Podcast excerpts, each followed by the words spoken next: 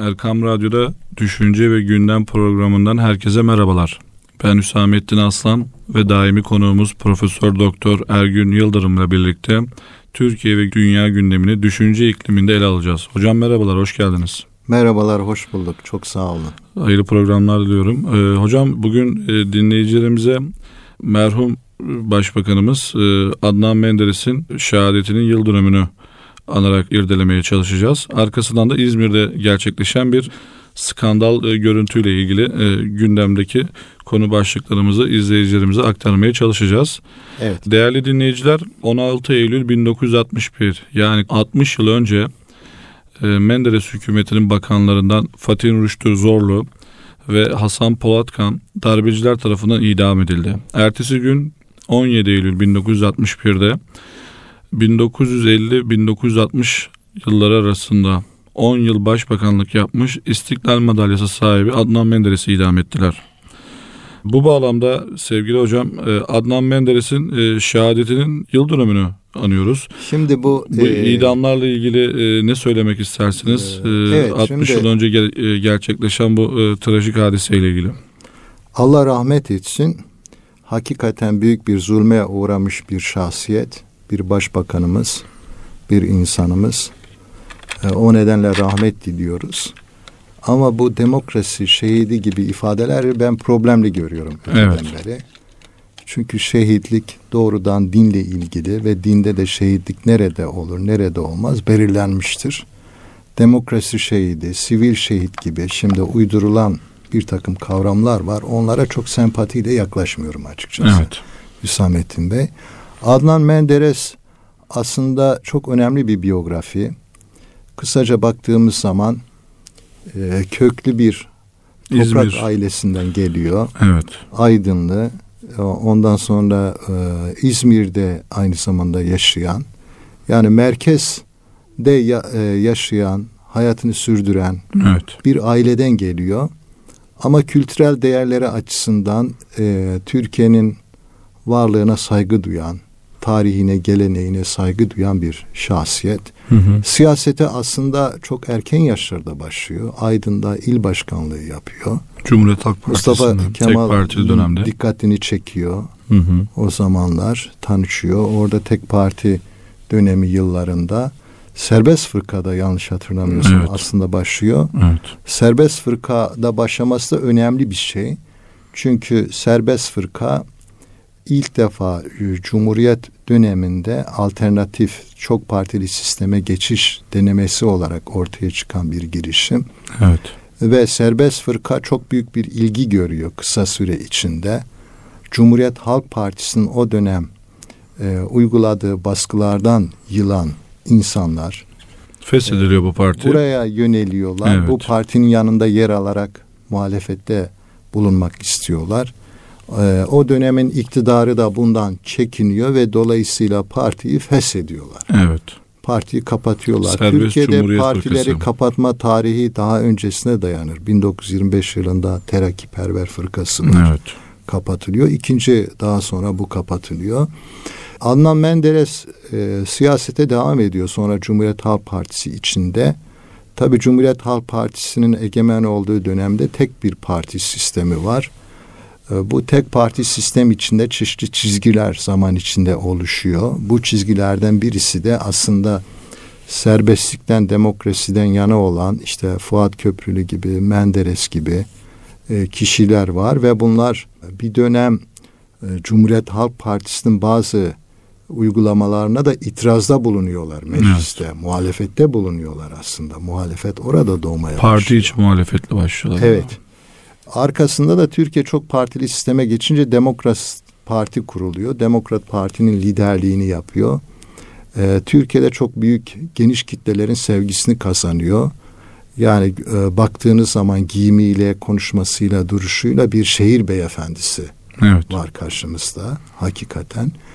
E, siyasetin böyle hani e, çatışmacı, kızgın, efendim e, baskıcı, e, simasını temsil eden bir görünüm yok. Şehirli olan, merkezden gelen ama taşradaki insanları da çevreyi de düşünen bir e, siyasi portre karşımızda var. E, Türkiye'de halk tabii ciddi anlamda tek partinin baskı politikalarından bıkmış, buna karşı ciddi anlamda kızgın. Ama Türk toplumu bu kızgınlığını demokrasi içinde ortaya koymayı tercih ediyor. Zaman zaman tabii yerel düzeyde büyük tepkiler de olmuş. Bunlar çok kanlı bir biçimde bastırılmış açıkçası. Mesela Bursa'da işte efendim e, Türkçe ezana karşı tepkilerin olması gibi, Konya'da benzer durumların olması gibi. Sonuçta Demokrat Parti iktidarı ile birlikte ezan mesela yeniden aslına uygun bir biçimde okunuyor. Evet. Ve bu Demokrat Parti'nin ve bunun lideri olan Menderes'in halk nazarında kahramanlaşmasına yol açıyor. Evet. Yani böyle bir e, ilgi var, yönelim var. Çok partili sistemle beraber halk efendim e, dinle yeniden barışık hale gelmeye başlıyor devlet. Bu politikaları uygulamaya yöneliyor. Bu da halkı halkta büyük bir sevgiye yol açıyor.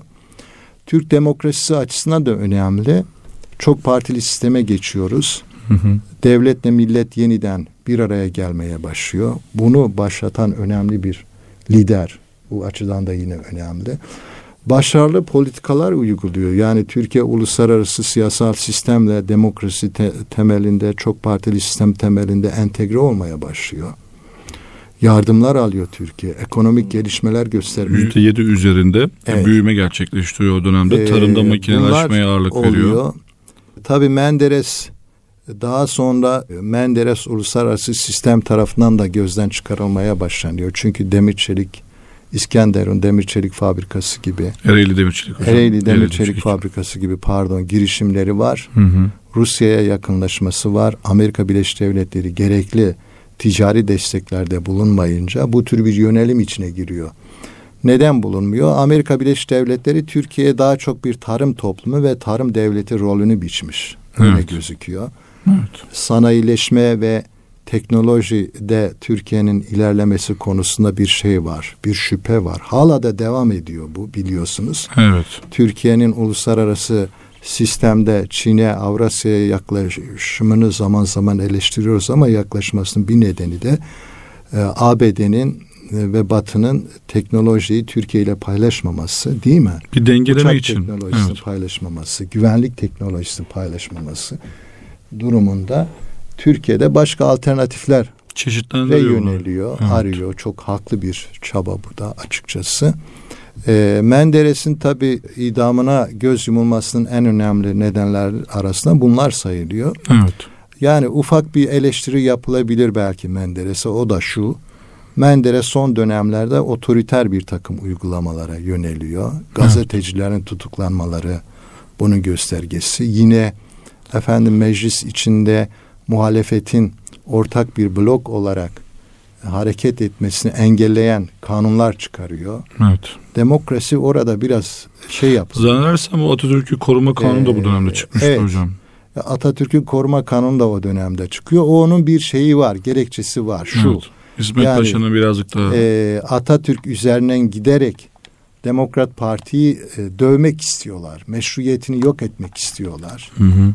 İşte dine çok müsebka, müsemahakar davrandığı, efendim Kemalistlerin ifadesiyle kazanılmış devrimlerin geri e, götürüldüğü gibi şeyler var. Bir muhalefet, sert bir muhalefet tarzı var evet. ve Atatürk burada araçsallaştırılıyor. E, Demokrat Parti de bunu savmak için böyle Atatürk'ü koruma yasası gibi bir yeni yasa getiriyor. Maalesef bu yasa hala devam ediyor. Evet. Atatürk'le ilgili konuşmalar, eleştiriler ciddi anlamda hala problem teşkil edebilir. Yani hala kanun karşınıza çıkabilir. Yani mesela Atatürk ilke ve inkılaplarını koruma yasası var aynı şekilde. Başka bir mevzuya geçiyoruz. Evet, geçmeyelim. evet. Elbette Atatürk'e e, efendim böyle nasıl diyelim küfürle, sövgüyle hitap edilmesi doğru bir şey değil evet. açıkçası. Şimdi tekrar dönersek Menderes'e. Menderes, Menderes hükümetine evet. Hükümeti e, darbeyle yerinden ediliyor. E, bu kesinlikle demokrasiye bir müdahale, anayasal düzene bir müdahale. Meclis kapatılıyor, kapısına kilit vuruluyor. Yasa adasında bunlar toplanıyor. Yasa adasında bunlara ilişkin çok kötü muamelelerin yapıldığını görüyoruz. 9 yani, ay 27 gün e, bu yargılamalar devam yargılamalar, ediyor. Yargılamalar, yargılamalarda da yine dikkat ediyoruz resimlerden, görüntülerden. Menderes çok beyefendi, güzel giyinmiş, tıraşını olmuş, kravatını hı hı. takmış bir beyefendi olarak savunmasını yapıyor. Hukuka uygun bir biçimde. Cuntacı askerlerin ama, onur kırıcı davranışlarına karşı yine aynı evet, nezaketle. Ama e, cuntacılar korumaya çalışıyor. Sürekli hakaret ediyorlar, aşağılamaya çalışıyorlar, aşağılıyorlar. İşkencelerden bahsediliyor. Mesela Yasa Adanın altında Bizans döneminden kalan kanalların yeraltı kanalların olduğunu ve buralara kapatılmalardan bahsediyor. O Siz e, adayı ziyaret ettiniz mi hocam? Yapan, Hüsamettin Cündoruk bunlardan bahsediyor mesela. Ben Hı-hı. o adayı evet 2010-2011 sıralarında ziyaret ettik. Orada konuşmalar yapıldı. Sayın Süleyman Soylu da vardı konuşmaları yapanlar arasında. Cev, Cevat Özkaya vardı, Ferhat Kenter vardı. Evet. Güzel konuşmalar yapıldı. Demokrasiyi vurgulayan, darbecileri telin eden, darbeci düşünceyi eleştiren ve yasa adanın demokrasi ve özgürlük adası olması yönünde ifadeler, öneriler ortaya konuldu. Çok iyi şeylerdi o zamanlar hakikaten bunlar. Şimdi darbecilerin yasa adada bıraktıkları bir hafıza var ve hakikaten bu hafıza Türkiye'nin siyasi tarihi açısından bir utanç tablosu. Derin Çünkü yaralar bıraktı bunlar. Sonuçta ülkende başbakanlık yapmış olan bir kişi var. Bu kişi suç bile işlese hukuk çerçevesinde suçu neyse yargılanır ve verilir. Evet. Bu ülkede başbakanlık yapmış bir insan bu ülkenin başbakanıdır. Daha sonraki hayatında o insana e, aşağılayıcı ifadeler kullanılmaması gerekir. Kim olursa olsun. Benimsemediğimiz bir ideolojiden insan da olabilir.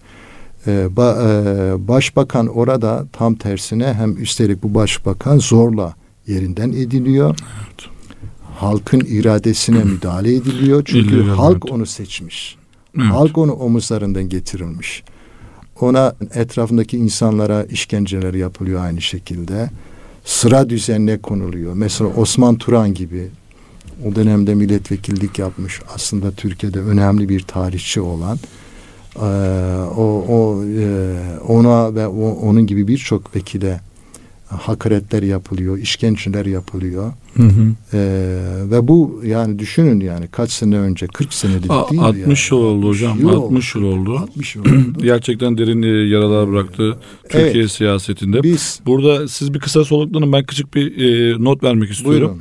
Buyurun. E, değerli dinleyiciler, şehit e, Başbakan Adnan Menderes idam edilmeden bir gün önce iki bakanımız daha idam ediliyor. Bu bakanların titrini ben özellikle vurgulamak istiyorum. Bir tanesi Dışişleri Bakanı Fatih Rüştü Zorlu, diğeri ise evet. Maliye Bakanı Hasan Polatkan. Az önce de bahsettiğimiz gibi e, Menderes e, bağımsız dış politika ve bağımsız bir ekonomiyi uluslararası sisteme e, böyle e, gözüne sokarcasına yani Amerika Birleşik bir şeyler yapmanın derdindeydi. Bağımsız Türkiye Türkiye ekonomisi hocam e, evet. bu dönem içerisinde yüzde yedi büyüdüğünü görüyoruz. Ekonomiyi çeşitlendirmek, dış politikada alternatif üretmekle ilgili Menderes Amerika ziyaretinden sonra e, Rusya'ya bir e, randevu almış. Rusya'ya bir ziyareti söz konusuydu.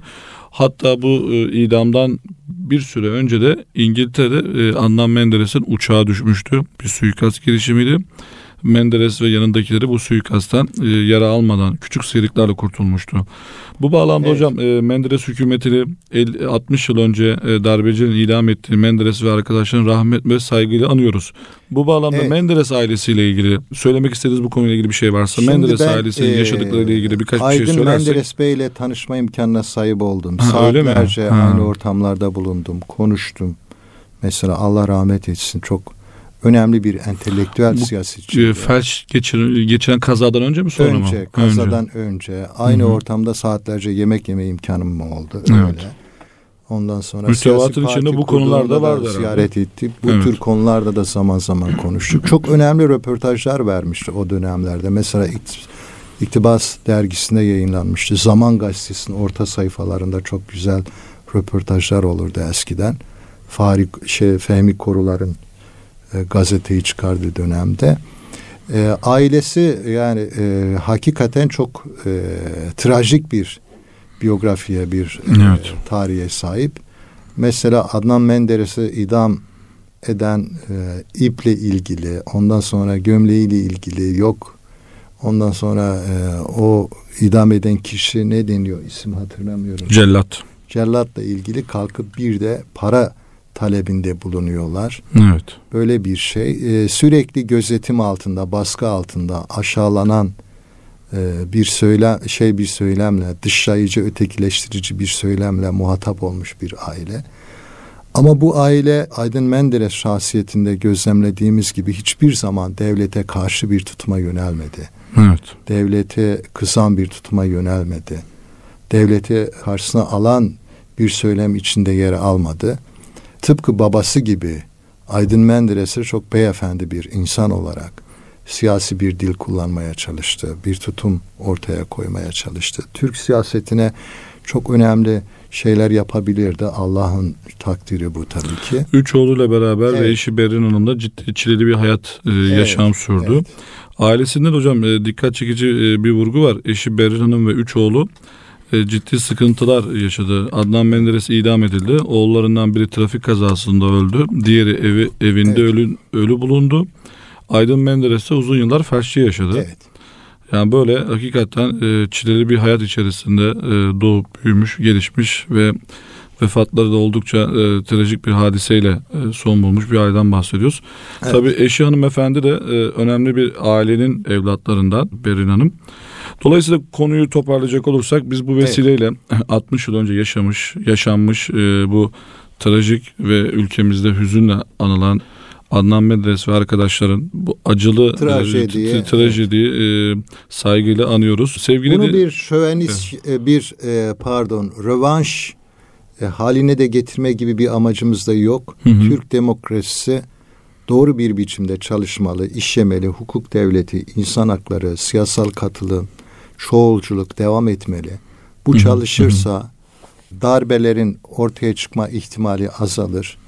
Darbeciler hiçbir zaman e, iyilikle anılmadı bu topraklarda. iyilikle anılmayacak ama Menderes gibi hukuka riayet eden, demokrasi içinde hareket eden, bu milletin din, bu millete yapılan dini baskıları kaldırarak önünü açan insanlar da hep iyilikle yad edilecek. Allah rahmet etsin diyoruz. Sevgili dinleyiciler programımızın ilk bölümünün sonuna geldik. Kısa bir aradan sonra programımıza kaldığımız yerden devam edeceğiz. Buluşma noktamız Erkam Radyo. Sevgili dinleyiciler programımızın ikinci bölümüne Profesör Doktor Ergün Yıldırım'la birlikte Düşünce ve Gündem programına kaldığımız yerden devam ediyoruz. Programımızın bu bölümünde e, özellikle sosyal medyada hatta ana akım medyada yer alan İzmir Büyükşehir Belediyesi'nin düzenlemiş olduğu bir etkinlikte 10 Eylül'de e, Agora Antik Kenti'nin gala yemeğinde bir e, çıplak semazen konusu gündemin ilk sırasına yer etti. Konu şöyle gerçekleşiyor hocam. Belediyenin Ziya Azazi'nin Dünya Belediyeler Birliği Kültür Zirvesi'nde sunduğu bir gösteri. Kültür ve Turizm Bakanlığı Devlet Opera ve Balesi'nin Mevlana'nın Çağrısı adlı eserde yer alan bir samazen e, belinin altı normal bir e, samazen elbisesi giyerken bel üstü ise çıplak bir gösteri ya- yapıyor. Tabi bu gösteri yapıldıktan birkaç gün sonra sosyal medya marifetiyle Türkiye gündeminde e, büyük bir yer teşkil ediyor.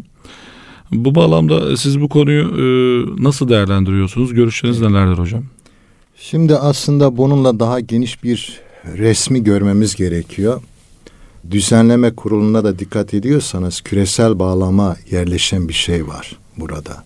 Ya ben hatta şu, bu Evet. küreselden bir yere devam edeyim. Bu e, Kültür ve Turizm Bakanlığı'nın Devlet Opera ve Balesi'nde Mevlana'nın tırnak içinde çağrısı eserinde bu gösteri İstanbul, Ankara, Mersin, İzmir, Samsun Devlet ve Opera ve Balesi sahnelerinde de e, bu dansçı gösteri yapıyor. Aynı zamanda Bu Kültür e, Bakanlığı'nın görevlendirilmesiyle Çin'de de ülkemizi temsil etmiştir. ama bu şey mi bu dansçı e, bu, Ya bu bir dediğiniz- tema hocam, bu bir tema. Bu temayıyla Evet. mı temsil etmiş? Evet, evet. Bu dediğin farklı yerlerde de bu temayı sahnelemiş mi?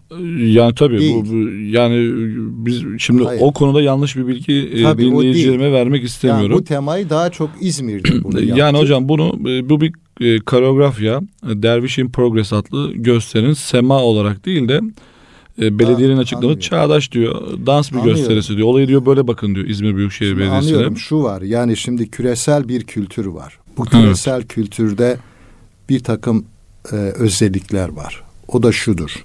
Sınırları tanımıyor. Evet. Nihilist bir kültür.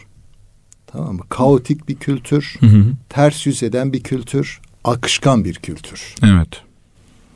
Biz ise kendi kültürel dünyamıza ait bir boyuta sahip olduğumuzu düşünüyoruz. Yani Müslümanların, Türklerin klasik olan ve bu nedenle de yüzyıllarca varlığını sürdüren bir takım kültürel anlatılarının, bir takım kültürel imgelerinin, bir takım kültürel dünyalarının olduğunu düşünüyoruz. Buna inanıyoruz ve bunu önemsiyoruz. Çünkü bir toplumun kendi varlığını sürdürmesinin temelinde ortak anlam dünyası vardır. Yani siz Bu tüm- ortak anlam dünyası bu bahsettiğimiz kültürel anlatılarla, kültürel şahsiyetlerle, kültürel imgelerle oluşur.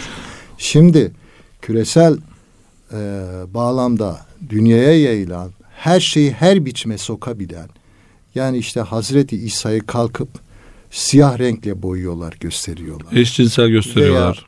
Eşcinsel haşa göstermeye çalışıyorlar. Evet. Bu, bu dünyada var olan işte o e, akım son olarak bunu kalkıp Mevlevi geleneğini ters yüz etmede kendisi dışında. Zaten e, konseptin e, Şimdi- bulunduğu platformun adı da hocam tam olarak söyleyeyim be- belediyenin açıklaması. Yerel yönetimler Dünya Teşkilatı Kültür Zirvesi Gala Evet. Gecesi. Evet yani dünya derken bu artık yeni ortaya çıkan e, kültürü dünya kültürü olarak algılamaya başlıyorlar. Bu hiç de evrensel olarak kabul edilecek bir şey değildir. Bu tamamıyla kaotik olan, tamamıyla her şeyi ters yüz eden, insan bedenini her bir biçime sokabilen, insanın imgeleriyle, inançlarıyla oynayan, oynak bir şey bu. Yani hocam zaten Buradan şöyle dolayı evet. bakın e, şimdi Hüsamettin Bey biz dans ve raksı dans ve efendim semayı birbirinden ayırırız. Hı hı. Tamam mı? O nedenle yani adam pavyonda dans eder veya başka yerde dans eder. Tamam mı?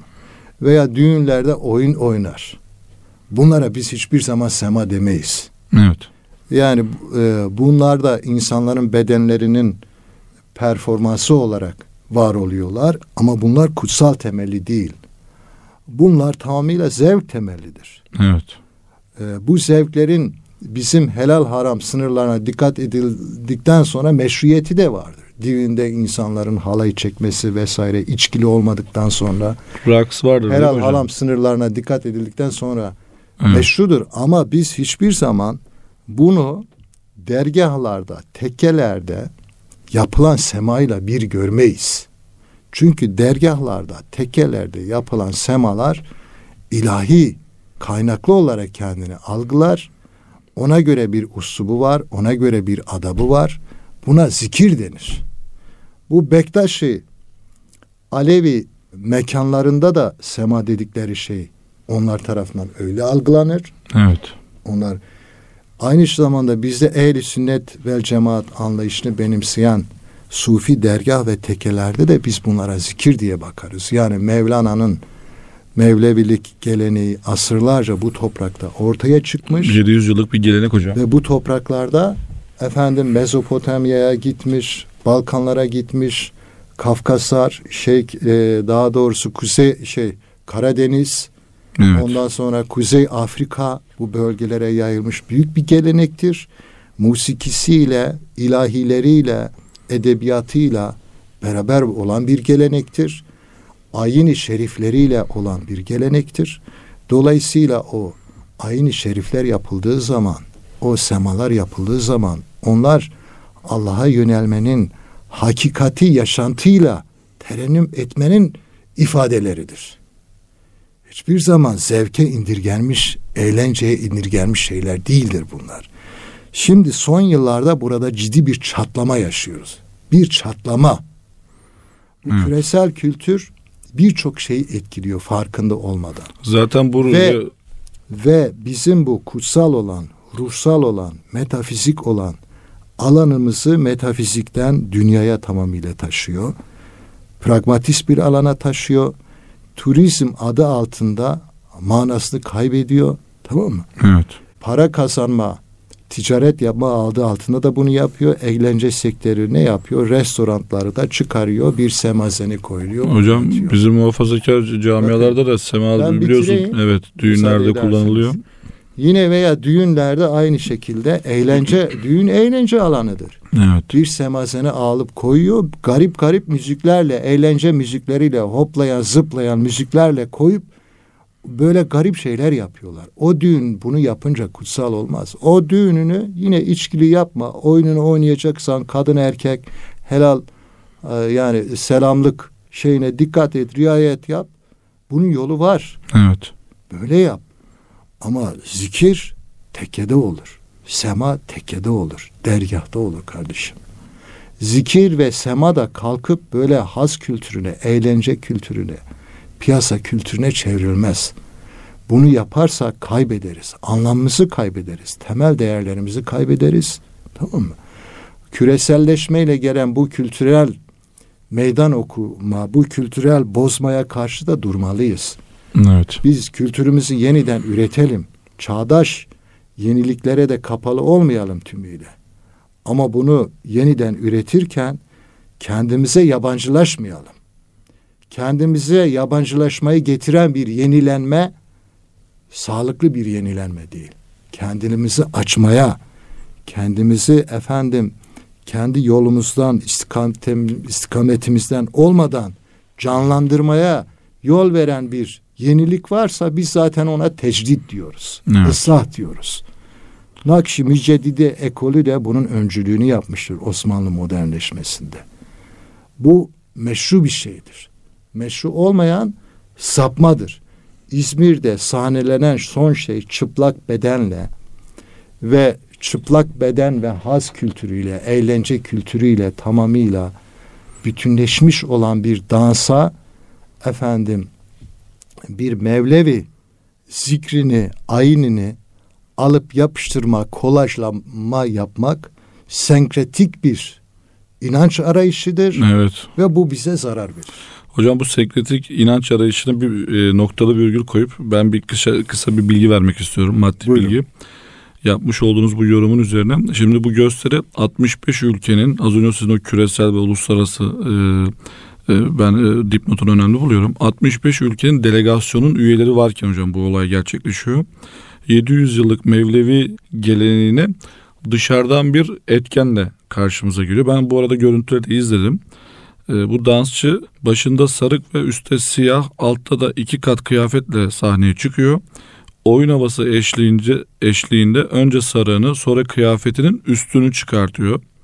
Yarı çıplak kırmızı kıyafet tamamlandığında da hocam e, gösterisini yapıyor. Vücudunun şovunu yapıp yoğun bir alkış adı altında Evet, e, şimdi- gösteriyi sonlandırıyor. E, Bunlar Dolayısıyla küresel trendler. e, ben bunun hocam yerel bir kültür, yerel kültür derken Mevlevilik sonuçta Anadolu ve Orta Asya coğrafyasına ait bir şey. Elbette ki evrensel bir takım Evrensel. e, evrenseldir. Ben, şey- sadece çıktı, Anadolu'ya has değil. Değildir. Anadolu'dan çıkıp Çıktı, Anadolu'dan dünyaya mal evet, olmuş bir kültür. Çıktığı, çıktığı coğrafya itibariyle ben tanımlamayı tercih ettim. E, dolayısıyla böyle yüzyıllarca e, medeniyetimize katkı sağlamış bir kültürü sırf uluslararası platformlara e, bir nazar boncuğu göndermek adına altında bu kadar Onun e, çok ötesinde. şey dezenformasyon sanatçıları. yapmamak Yani lazım. Bu bir nazar Dezenforma- boncuğun çok evet. ötesinde. Küresel kültür çok kaotik ve çok e, Hocam ama bu yerelde de yapılıyor. Çok e, fark etmiyor. ya bu kafe Yerelde, kafelerde de var, yap- düğünlerimizde de var. orada da bu ya yerel, ben bunu görgüsüzlük, kroluk arasında bir yere kullanılmıyor. yani Bunu söyleyeyim de. sonuçta yine bu yerelde yapılanlar e, küresel kültürün e, re eklemlenmek için yapıyorlar bunu. Yani Onun bunu yapanlar olarak Bunu yapanlar Yapıyoruz. aidiyetlerini vurgulayarak aslında modern hayata da bir selam mı çekiyor değil hocam? değil. Onunla ilgili değil. Bu tamamıyla Türkiye'de efendim medya üzerinden, sinema üzerinden, ticaret üzerinden, turizm üzerinden, tatil kültürü üzerinden, efendim network toplumu ile birlikte internet üzerinden yoğun bir küresel kültürle etkileşime girmemiz, onun taarruzu altında kalmamız, onun getirdiği bilinç dönüşümüne uygun tavırlar sergilememiz sonucunda ortaya çıkıyor.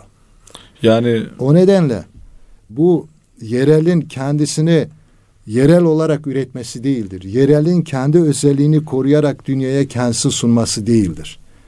Ben Kutsi Ergüner'i 2020 yılında yurt dışındayken tevafukan BBC'yi dinliyorum dilim gelişsin diye. evet. BBC e, belgeselinde tanıdım Kutsi Ergüner.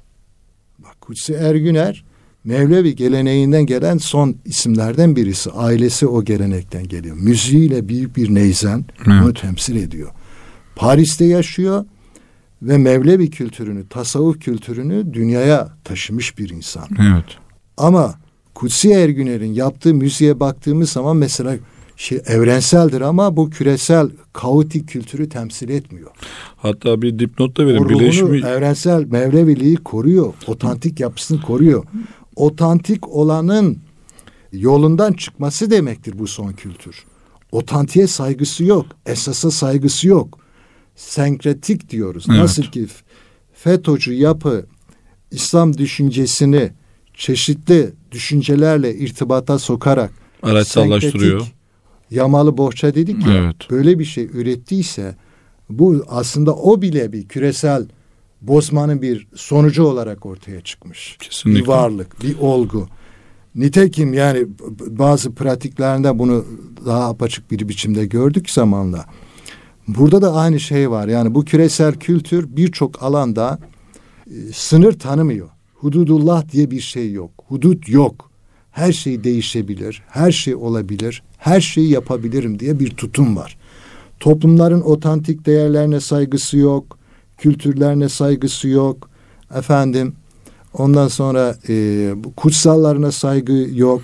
Çok pro, e, profan bir şey, çok e, senkretik bir şey, çok pragmatist bir şey ve bunu bu bence evrensel değil. Yani o Hocam bu 19. senkretiği açar mısınız? çıkan- Kelimenin manasını Senkretik şu. dinleyicilerimiz Biraz belki benim bilmeyebilirler. dinimden, biraz senin dininden yamalı bohça bir şey üretir. Anladım. Sentez yok burada. Anladım.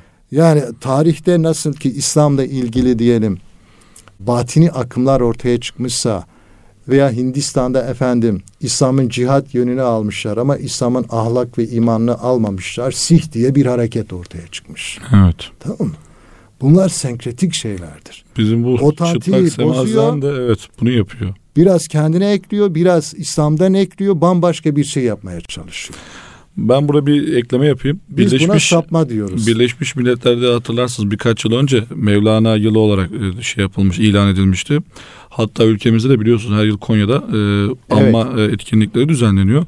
Hocam hiçbirinde şey yok. Bu otantik havayı bozan, Tabii görsele çirkin gelen bir eylem, bir uygulama e, görülmedi. Saygı duyarak Ee, ona yani bu bunu gerçekten böyle ibretle izliyoruz ama ben şuna da bir şer koyayım. Sizin analizinize ben de katılıyorum. İşte küresel bir dayatma, kültürü bozmaya. Biz bunu sentetik e, sentez adı altında bize bunu dayatıyorlar ama hocam şöyle bir şey daha var. sentez yok aslında. Çok Heh. kaotik, çok anarşist, çok nihilist, Şöyle bir eleştiride Ee, de bulunabilir miyiz bilmiyorum. çok sarhoş bir şey yani. Hocam- Deyim yerindeyse serkeş bir şey yani. Evet. bu. Hadi diyelim hadi diyelim derken bunda tamam uluslararası bir şeye atıf yapıyoruz. Hocam biz bunu ülkemizde düğünlerde, kafeteryalarda da e, e, semazenleri E, ama böyle burada da yani Yani, bu- bunu mekanik- nereye bunu nereye koyacağız? Aynı biraz önce ifade ettim ya. Evet. Yani biz artık küresel bir realite içinde yaşıyoruz. Yani oraya giden vatandaş ya da o etkinliği düzenleyen düğün sahipleri de bir oraya bir oraya selam mı çakıyor Değil, yani? değil. Hüsamettin Bey bak sosyolojik anlamda küresel bir realiteyle yüz yüze yaşıyoruz. Evet. Bunları yapan insanlar da biz şimdi artık küresel dünyanın realitesi içindeyiz. Küresel ideoloji, kültürü benimsemeyebiliriz, ona meydan okuyabiliriz. Ama biz kullandığımız araçlarla, internetlerle, sosyal medyayla, uluslararası ticaretle, uluslararası eğitimde, uluslararası akademik paylaşımlarla biz küresel bir dünya içinde yaşıyoruz. Bu küresel dünya içinde yaşadığımızdan dolayı bunlardan etkileniyoruz. İnsanlar etkileniyor. İşte biz diyoruz bunlardan etkileniyoruz ama eleştirel bir tutuma sahip olalım. Hı hı, hı hı. Otantik yapımızı koruyalım. Evet. Esaslarımızı koruyalım. ilkelerimizi koruyalım. Hududullah'a dikkat edelim. Bu, bu kaygımız olursa, bu derdimiz olursa, bu inancımız ve imanımız olursa Biz bu küresel realite içinde küresel ideolojinin, küresel kültürün taarruzlarına karşı kendimizi koruyabiliriz. Evet.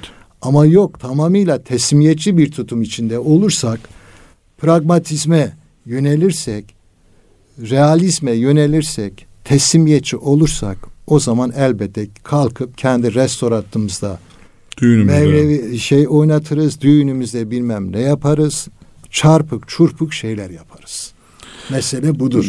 Hocam e, ağzınıza sağlık. E, Değerli dinleyiciler bize ayrılan sürenin sonuna geldik. Bir başka programda görüşmek dileğiyle. Sağlıkla kalın.